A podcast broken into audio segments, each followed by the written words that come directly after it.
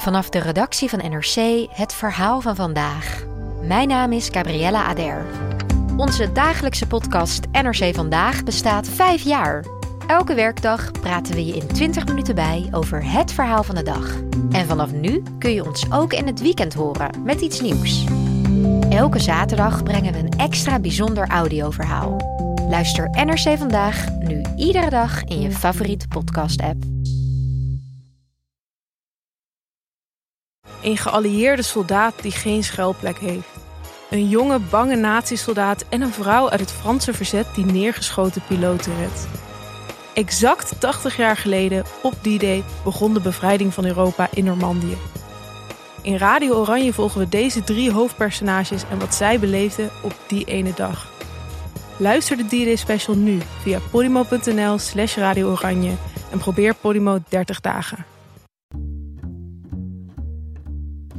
Hallo, vanaf de redactie van de Groene Amsterdammer is dit uw wekelijkse podcast. Ik ben Kees van der Bos.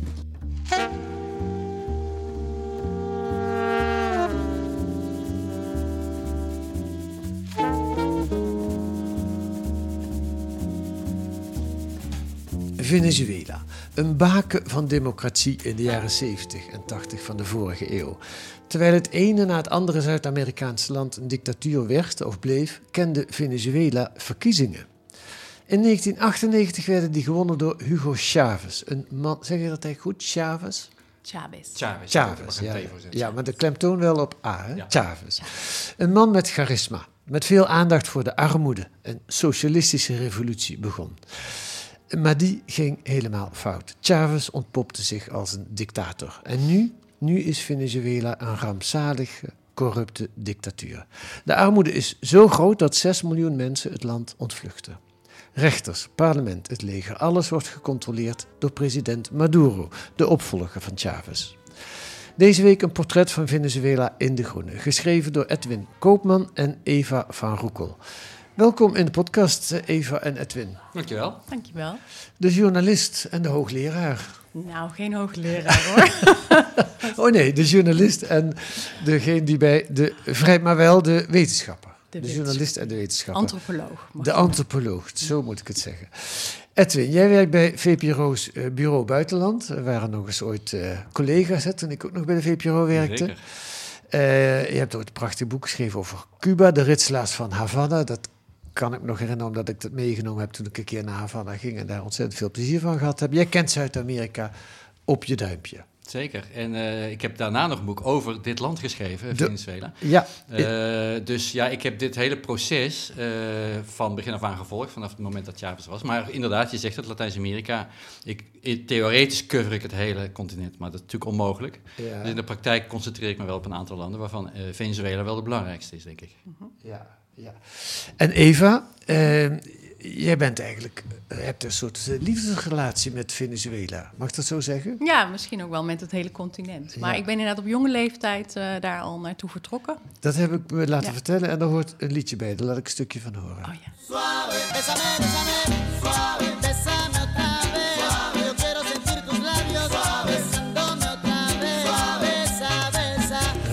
loopt het iets onder de- ons gesprek door, maar ik moet, ik moet het nu even, anders kan ik dat het was niet een goed hit knippen. inderdaad, in Dat- de jaren dat ik daar eh Ja, welke settelde. Ja. In 98. In 8, nee, dus toen, het- toen het allemaal de socialistische revolutie Ja. begon. Maar Ja. jij was toen nog een heel jong meisje. Ik was 16 inderdaad. En eh, ik zeg altijd, ik kwam eh, in Venezuela toen Chavez campagne aan het voeren was. Ja. Was En had je daar toen ook al belangstelling voor of is dat pas later gekomen? Ik denk echt, nee, dat is later gekomen. Ik ervo- ervoer het wel, maar, maar toch wel echt wel als een puber, moet ik zeggen. Ja. Het was ook moeilijk om te duiden. Ik bedoel, je moest een taal je, je eigen maken, een hele cultuur. Dus eh, ik denk pas later kon ik dingen begrijpen die toen gebeurden. Ja. In context plaatsen. En waarom kwam je als 16, 17-jarig meisje in Venezuela terecht? Ja, ik, toen ik 12 was, wilde ik naar Latijns-Amerika. En ik weet tot op de dag van vandaag niet zo goed waarom. ik moest daar naartoe. En toen hebben mijn ouders gezegd: Oké, oké, eh, eerst de vierde VWO afmaken en dan mag je een jaar op uitwisseling. En toen hadden we net dat jaar daarvoor een meisje uit Venezuela, Valencia, de tweede grote stad, bij ons in huis voor een jaar. En toen Oké, het wordt Venezuela. Ja, Ja.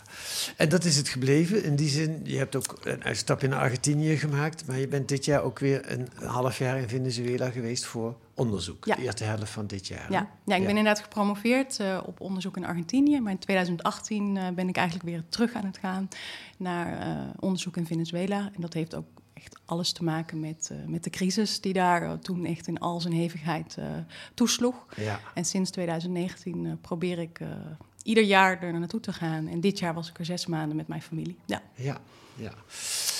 En eh, Edwin, die socialistische revolutie in 1998, die sprak jou enorm aan?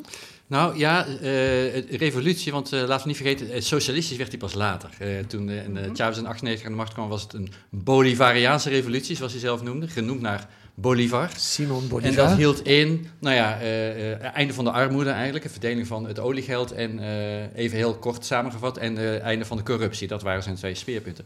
En eigenlijk is het pas 2004, 2005 is het, eh, he- heeft hij zichzelf socialist verklaard. Eh, wat niet betekent dat hij dat misschien niet al in zijn achterhoofd had. Mhm. Ehm, maar hij heeft zich niet eh, al van begin af aan als zodanig geprofileerd. Dat had hij waarschijnlijk de verkiezingen ook niet gewonnen. Want de, de Venezolanen waren echt niet zo socialistisch. Sterk nog, Chavez heeft zelf nog voordat hij die verkiezingen won... Ja. ehm, gezegd dat hij helemaal niet zo van, van, hoe, van Fidel Castro hield... en dat, het, dat hij nooit een socialist zou worden. Nou, daar heeft hij dus uiteindelijk zich niet aan gehouden. Nee. Maar aanvankelijk was dit dus het, de manier waarop hij aan de macht kwam. Ja, dat was, was fascinerend. Die man die had eh, in 92 een staatsgreep proberen te plegen. Ja. Eh, was mislukt, is twee jaar de gevangenis ingegaan.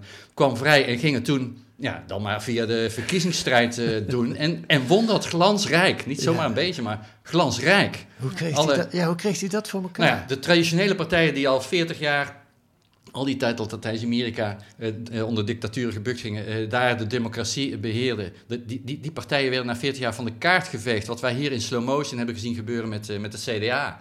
Eh, in meerdere mate met de, met de PvdA. De, de, de, de oude partijen die werden daar in één keer hup, weg. Er waren nog maar een paar zeteltjes van over. En hij haalde, weet jij het nog, eh, Eva, 70, 80 procent van de stemmen. Eh, echt een eh, absolute meerderheid. Waarmee hij natuurlijk ook meteen het, het, het congres domineerde. Ja. Ja. En eh, nou ja, glansrijk, glansrijk. En dat was zelfs voor Zuid-Amerika een vreemde uitslag toen? Ja, zeker. Eh, zeker. En, en al helemaal vanwege zijn, eh, de manier waarop hij eh, eh, zich presenteerde. Want eh, we hebben daarna wel nog een hele reeks andere populisten gezien. Hè? De ene na de andere volgde de jaren daarna. Maar hij was de eerste die zich als buitenstaander... Hij was geen politicus, hij was Ja. een militair... Ja. zich presenteerde als een ja, iemand die niet besmet was met die corruptie en niet besmet Ja. was met eh, die- dat hele verleden van die, van die partijpolitiek. En hij was nieuw en beloofde dan ook iets totaal nieuws. Een nieuw Venezuela. En eindelijk gaan jullie, jullie dan, hè, kijk, eh, jullie de armen, volk. Hè, het volk, Ja. jullie gaan nu, nu is het jullie beurt en ik Ja. ben jullie leider. Ja. ja. Ja, dat was eh, niet, als je kijkt naar de verdere geschiedenis van Latijns-Amerika, wel vaker voorgekomen. hè. Er waren veel meer populisten geweest. Ja. Perón in eh, Argentinië in de jaren 40 was natuurlijk ja, een, een klassieke populist. Maar, ehm, maar hij was eigenlijk nou, van deze nieuwe generatie in deze eeuw wel de eerste. En ook wel Ja. misschien de, de meest invloedrijke. Ja, het begin van de roze golf noemen ze het Ja. ook. Hè? Dat je zag dat er een enorme ruk naar links eh, ontstond in die jaren. En Chavez was daar wel een heel belangrijk eh, voortrekker van, Ja. zeker. Ja, Zowel naar links. Noem jij het ook een populist? ja, ja, zeker wel. Wat, ja. wat maakt Ja, hem ik- tot populist? Ik denk vooral, ik weet nog, al, al- alle zondagen als je de televisie aanzette, dan was Chavez aan het praten. Die had allo presidente. En eh, dan praten die uren en uren ergens in het land en zijn volk toe. Ja, van dat soort dingen komen dan wel heel erg eh, in mijn herinnering naar boven. En eh, gewoon ook zijn, zijn, zijn beeld. Je, je zag hem gewoon overal. zijn gezicht, en zijn stem, zijn, ja, gewoon zijn, zijn, zijn hele figuur was gewoon een hele belangrijke aanwezigheid in, eh, in de publieke sfeer. Ja. ja. En hoe, in het begin was dus enorm veelbelovend. Mhm. Dat hij aan de macht kwam, hoe hij aan de macht kwam, wat hij beloofde. Hij zou corruptie bestrijden, de armen helpen. Dat heeft ook, van, hoe, dan moeten we grote sprongen maken. Maar to- als je dat vergelijkt met waar het nu is, is dat ongekend bijna. Hoe kan het zo fout zijn gegaan? Nou, aanvankelijk had hij natuurlijk wel het mazzel dat het, eh, ook die olieprijzen en alle, Ja. alle grondstofprijzen die rezen de pan pan uit door de ontwikkeling Ja. in China. Er was gewoon een heel grote vraag naar, naar de grondstoffen. Nou ja, eh, eh, Chavez had olie. Ja. Toen hij aan de 40 macht kwam- dollar, geloof ik, op ja, een heel toen hij aan de macht kwam was het 7 of 10 of zo Ja. per Ja. En later werd dat eh 100 of zelfs op een bepaald moment Ja, 140. meer Dus hij kreeg veel meer geld binnen dan hij ooit had gedroomd. Dus die Ja. armoedebestrijding, dat lukte wel. Hij kon het gewoon lekker uitdelen en eh, iedereen eh, huizen beloven Ja. en, eh, en, en, en, en gratis onderwijs en goedkoop eh, voedsel en alles Ja. nog wat. Een meevaller. Ja. Ja, een enorme meevaller. En, en, en nou ja, je zegt we moeten grote sprongen maken. Dat is natuurlijk op een gegeven moment afgelopen. Die olieprijs die bleef niet hoog. Maar daarnaast, die andere belofte van die corruptie. Ja. Ja, kijk, eh, de armoedebestrijding lukte wel. Maar als er veel geld binnenkomt dan, eh, en dan de corruptie bestrijden in Venezuela. Dat is, Ja. nou, dat is dus ook gewoon niet gelukt. Nee. Dus er is heel veel geld verdwenen in Ja. zakken van iedereen die eh, maar dicht bij de macht zat. Was dat van begin af aan zo? Ja, dat, Ja. die corruptie is nooit weg geweest. Nee, ik dat denk is- niet dat ik denk- Chavez zelf... Ja, wat denk jij? Chavez zelf hebben ze eigenlijk nooit kunnen aantonen of Nee. hij ook zichzelf heeft verrijkt. Ehm, maar ik denk dat inderdaad die corruptie, eh, dat gewoon inderdaad verschoven is naar een nieuwe elite. Ja. Wat ik zelf denk wat heel belangrijk is om te begrijpen hoe ze van heel veel geld naar inderdaad het ergste moment was denk ik toch wel 2016, 2017. Ik denk is een stuk ook, eh, alles draait toch wel om de olieproductie. Ze hebben gewoon eigenlijk jarenlang eh, nalatig zijn ze geweest in het, in het onderhoud. Ze hebben ontzettend veel mensen ontslagen omdat ze, want we doen nou net alsof Chavez iedereen heel eh, eensgezind was in die eerste jaren. Maar er waren ontzettend veel protesten tegen hem ook. In 2002, 2003 is er ook nog een coup geprobeerd gepleegd. En de mensen die dat steunden, die bij de oliemaatschappij werkten, die zijn ook allemaal ontslagen. Dat zijn duizenden mensen met ontzettend veel kennis, die zijn toen eh, vertrokken. Dus dat is een van de redenen. Was dat, wa- waar kwam die koep vandaan? Dat was toch, denk ik, meer het conservatieve rechts eh, ja, en, en, en de gevestigde orde die zeiden... we willen deze, deze Ja. nieuwe wind helemaal niet. We willen terug, Ondernemers, vooral ook, inderdaad. Ehm, en die hebben toch best wel flink eh, een, een stuk van de, van de bevolking kunnen mobiliseren. Ik was daar toen, ik weet nog dat het een hele, hele spannende dag was... en we zaten allemaal voor de televisie. Het kwam totaal onverwacht toen. Ja, het was toch wel. Nou ja, in ieder geval, dan zeg ik, ik was 17, 18 toen. Dat- Dingen zijn dan moeilijk te duiden, misschien voor andere mensen minder onverwacht Oh, ik dacht dan dat je bedoelde ten tijde van die koep was je daar, Ja, 2002. ja, ja, toen was Oh ja, ik daar. ja, maar ja, ik bedoel, voor mij was het onverwacht. Ik weet niet of het voor iedereen... Ik, ja. weet, ik kan me nog herinneren dat ik, een tele, dat ik zat te luisteren... dat mijn ex-schoonvader zei... en dit was het laatste telefoontje... want ik denk dat we worden afgeluisterd. dus ik denk dat voor hen dingen ehm, minder onverwacht waren dan voor mij. Maar wat ik wil zeggen is, na die groep zijn er ontzettend veel mensen ook al vertrokken. Eh, mensen met kennis, ke- mensen met geld. En dat heeft volgens mij een eerste nekslag is dat geweest voor eh, de, de, de PDVSA, de oliemaatschappij. Ja. Daarnaast eh, een dalende olieprijs. Dat is Ja. natuurlijk altijd heel erg belangrijk om te begrijpen En hoe die het gaat. pure gerichtheid op olie. Dus toen de olie Ja. in de problemen kwam, hadden ze eigenlijk hadden ze Weinig. weinig anders om, om zich op te beroepen. Nee, ja, is- wat, een Eva zegt, die, die ontslagen op een gegeven moment na die coup eh, Ja. wilde eh, eh, Chavez scho- een grote schoonmaak Ja. houden. En die PDVSA die wilde van Chavez af zeggen, die via de coup gaan we staken. En toen hebben ze een enorme oliestaking. Mhm. En toen heeft Chavez als reactie daarop in één dag 18.000 mensen, ontslagen. Ja, daar heb ik het 18.000. Ja. Waaronder dus niet alleen de, ja, de werkmannen, op de, maar echt gewoon de ingenieurs en de mensen Alles. die wisten hoe je nieuwe oliebonden moet Ja. aanboren. En dat Ja. kon die ook. Die macht had hij. Ja. Nou ja, het was een semi-staatsbedrijf. Dus, eh, Ja. Ja, ja, ja, ja, ja, ja. ging ook wel veel per decreet, maar ik weet niet hoe Veel precies dat is gegaan. Ja. Maar inderdaad, die duizenden mensen zijn vertrokken, een soort brain drain eigenlijk. Ja. Dat is denk ik al een begin geweest van, van, van de neergang. Ja. Corruptie. Ja, en ik denk ook, we moeten de sancties niet vergeten. Eh, vanuit de Verenigde Staten en de Europese Unie. Om inderdaad eh, toch Maduro onder druk te zetten. Nou ben ik even niet 2017, 2019. 19, 2019, 2019, dus hè, dat toen was wel veel later. Veel later al, hè? ja, toen ging het al dat heel het. lang slecht. Maar Ja. dat heeft het wel ja, nog meer verergerd. Ja. Dat is een grote stap. Daar Dat komen is een hele grote stap. Daar komen, daar komen we misschien ook nog op. Maar ik wil nog even terug naar dat begin. Mhm. Ehm, eh, was Chavez, hij was dus zowel een populist als een. eh, ja, hij wilde echt iets doen aan de armoede. Een groot probleem in Venezuela. Betekende dat eh, voor, voor, eh, voor jullie, ieder op je eigen manier, dat je ook toen hoop had, ook dat het wel goed zou, dat hij goed was voor het land, dat hij goede dingen zou gaan doen?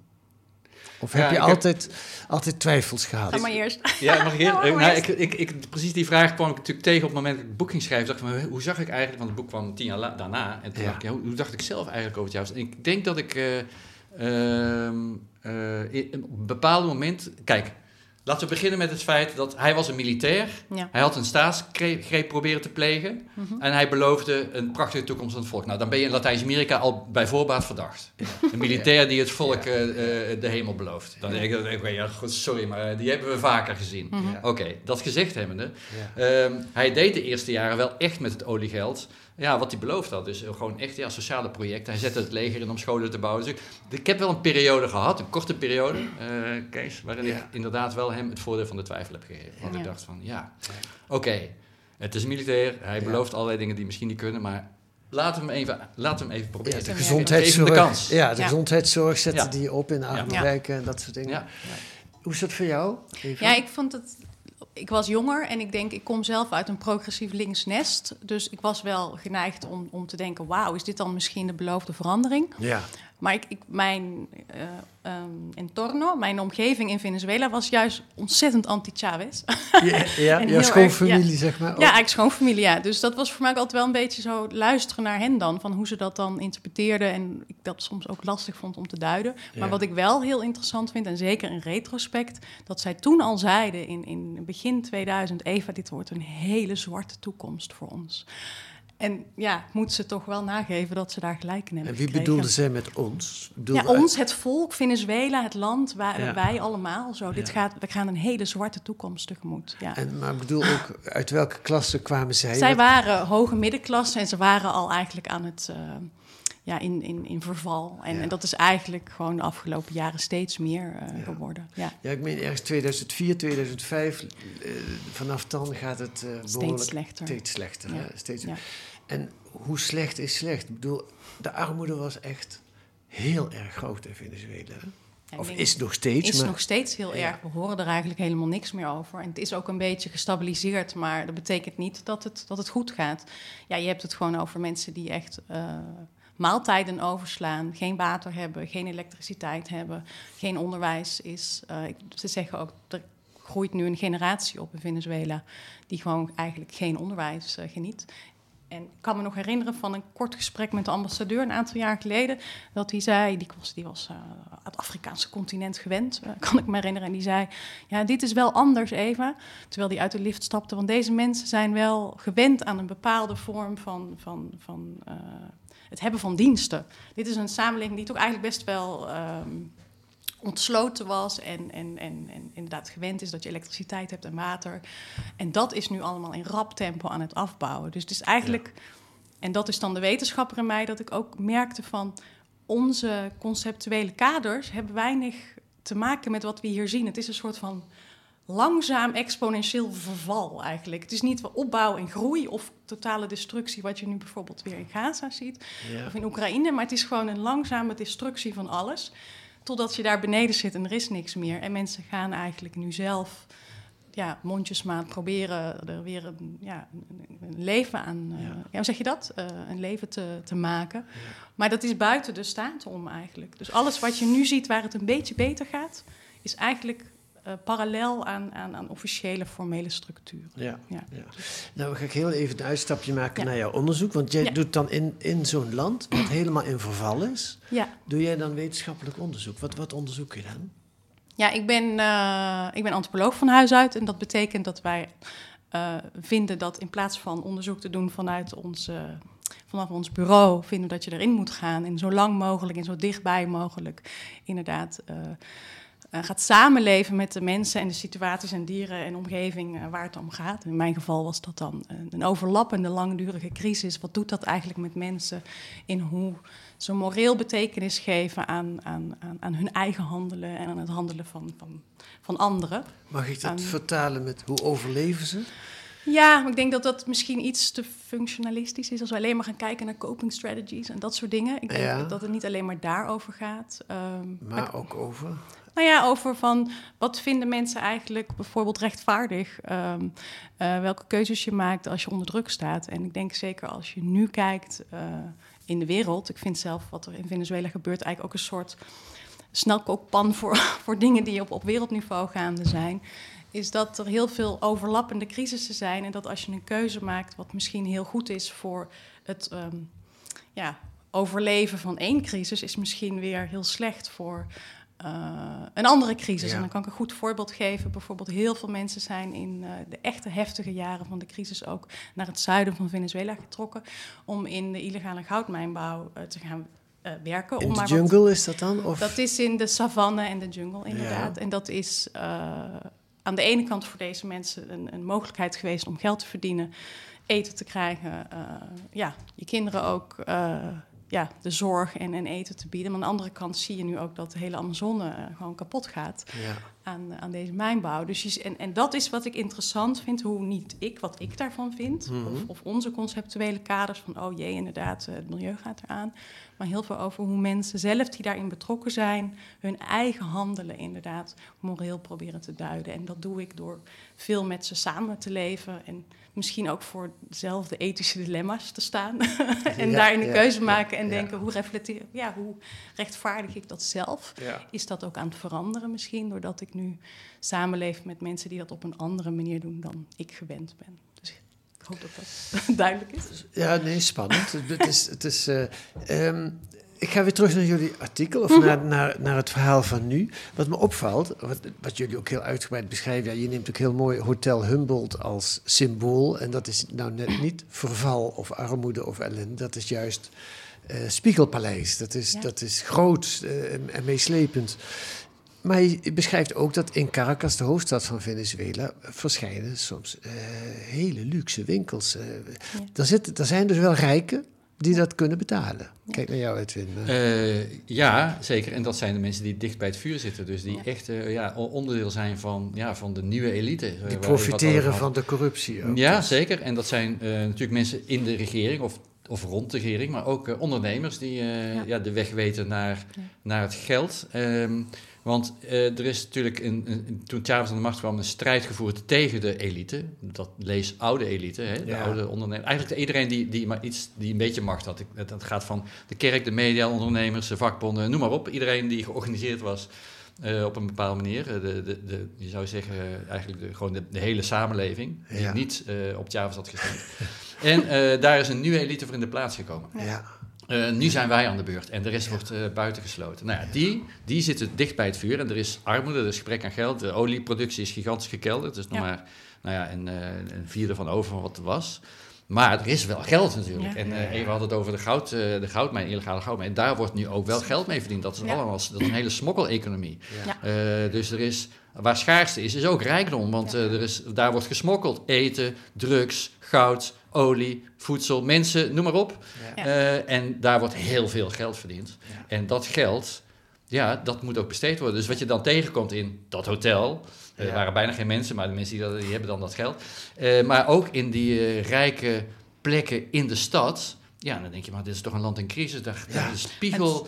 Ja. Kantoren worden daar gebouwd, hele dure winkels, Ja. eh, eh, een Ferrari Ik denk dealer. wat, wat heel belangrijk is om hierop aan te vullen, is dat heel veel van dat geld het land ook niet uit kan op het moment. Eh, Venezuela heeft al van oudsher altijd een trek naar, naar de VS. Om, ik kende dat ook nog wel van vroeger, van dan ga je daar naartoe, dan ga je kopen. Dat is ook een soort van idee van, van, van nou ja, dan, dan, ben je goed bezig als, als, als, eh, als middenklasse.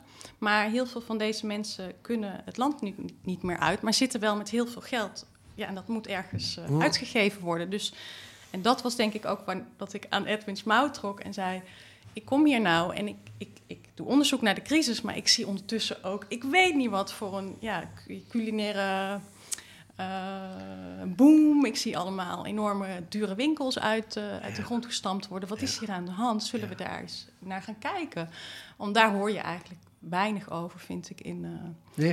in En het zo nieuws. is het idee van dit artikel geboren. Eigenlijk wel, ja. Zo van, Ja. zullen we eens in plaats van te kijken naar de schaarste en het gebrek en de armoede... in onze lens leggen op Ja. weelde, rijkdom en eh, wat, ja, wat gebeurt er dan eigenlijk Ja. en waar, waar komen we achter? Dus als, journalist, als journalist kijk je er ook heel vaak ook kijken van nou, hoe kijken ze de armoede daar en, Ja. en, de, en de crisis Ja. daar en de, en, de, en de natuurrampen. En dan, ik vond het wel verfrissend om dan eens te kijken hoe is het eigenlijk met de rijkdom. Terwijl je dan eigenlijk over hetzelfde, hetzelfde Nou ja, probleem hebt. Ja. Dat is wat ik wil zeggen, want het werkt dan juist door... Het zet heel pijnlijk scherp de lens op die armoede... door die rijkdom zo te Precies. beschrijven. Precies. En vooral omdat het zo'n lege rijkdom is die jullie beschrijven. Dat Hotel Humboldt, leeg in de zin van...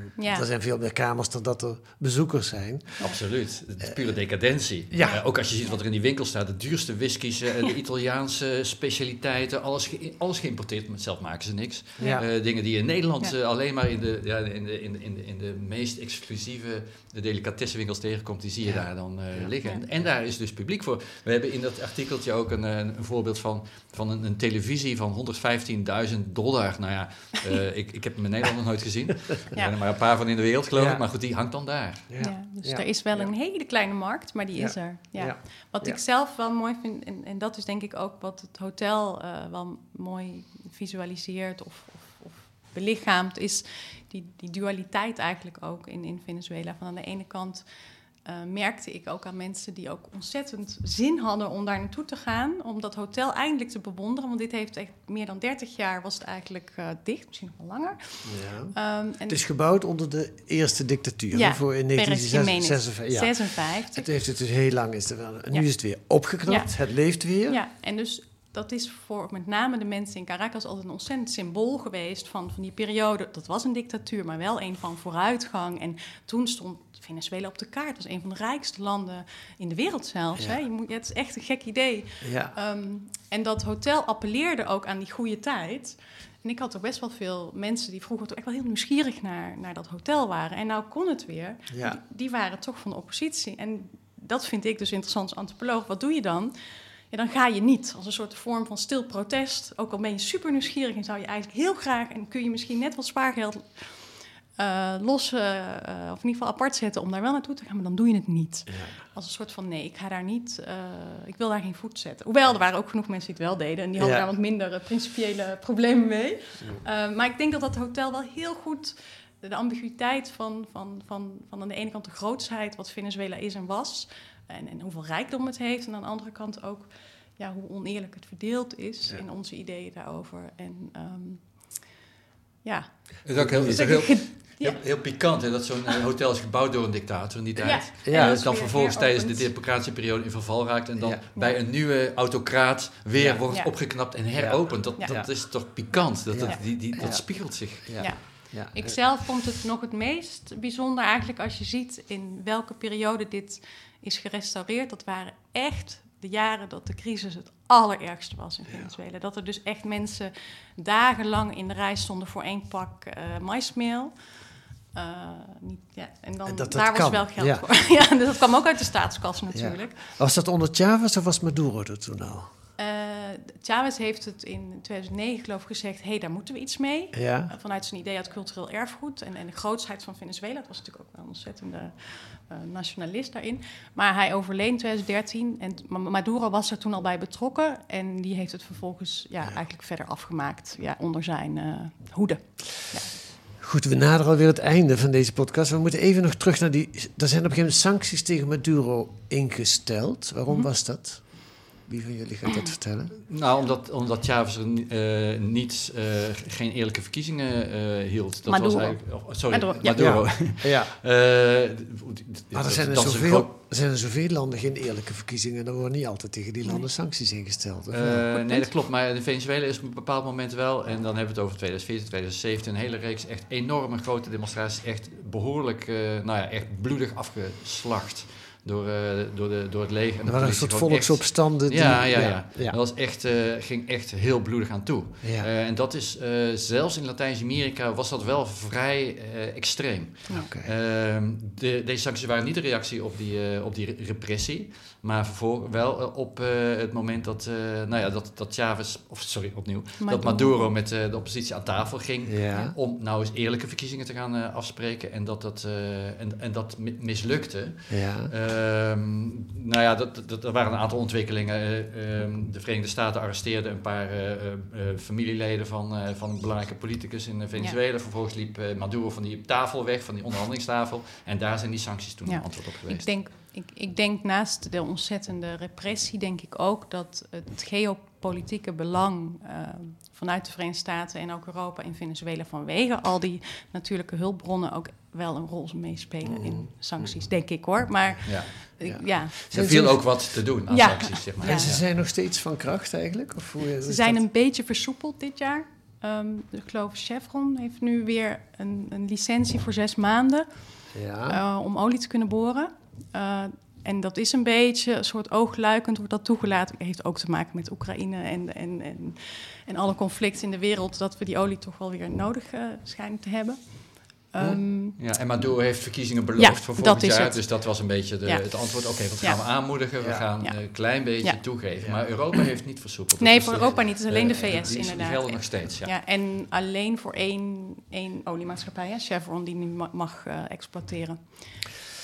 Goed, ehm, dank jullie wel. Ik ga nog één vraag stellen aan jou even, want ik ben eigenlijk Ja. wel benieuwd. Wat, wat doet het ehm, met de liefde voor, je, voor zo'n land als je het zo erg eh, pijn ziet lijden? Of voor zoveel mensen, als je het zo ziet afglijden? Doet ook pijn. Ja.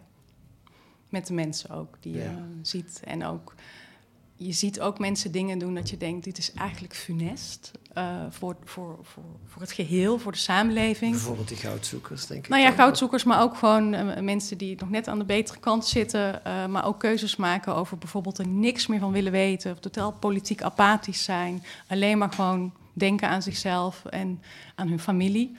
Dat ik het helemaal begrijp op individueel vlak en waarschijnlijk hetzelfde zou doen, maar als je dan ziet wat, ja, wat, wat betekent het dan nog om samen te leven? Ja. En die vraag als antropoloog is wel iets die mij heel erg bezighoudt en me ook wel aangrijpt. En dat ik ook denk, ja, dit is misschien wel iets waar we allemaal in kunnen afglijden. We doen net alsof het allemaal heel ver weg is, Venezuela, maar, maar misschien is dat helemaal niet zo eh, ver van je bedshow, zeg maar. Dus nee, dat doet pijn. En ik probeer dat ook onderdeel, onderdeel te laten zijn van mijn werk en daarover te schrijven. Maar dan niet vanuit mij, maar gedeeld met hoe, hoe Venezolanen daar zelf ook eh, Ja. naar kijken. Het is veel verdriet. En, en ja, ik denk dat dat het vooral is. Niet eens schuld of schaamte, maar vooral heel veel verdriet. Ook heel veel Venezolanen die zijn vertrokken. Ja. En daar ga je vast nog veel over publiceren. Ja, ja, ik ben ook bezig met een film. Ehm, maar dat gaat nog wel even duren.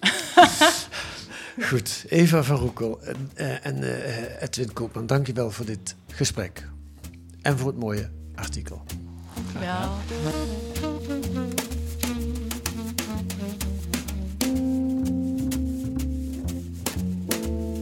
Wat staat er nog meer in, het, in De Groene deze week? Dan moet ik even dit dichterbij halen. Eh, In dit dubbeldikke kerstnummer van De Groene staat een reportage over de zusters Augustinessen van Sint Monica.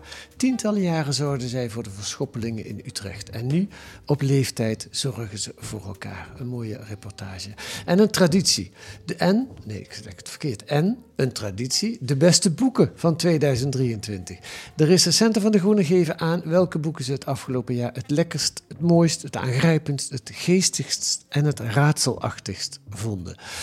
Dat kunt u allemaal lezen met een abonnement of een proefabonnement. Dat, ga naar groene.nl, daar wordt u uitgelegd hoe u 10 weken de groene kunt krijgen voor 15 euro. Wilt u reageren op wat u gehoord hebt in deze podcast, dan kan dat via de mail.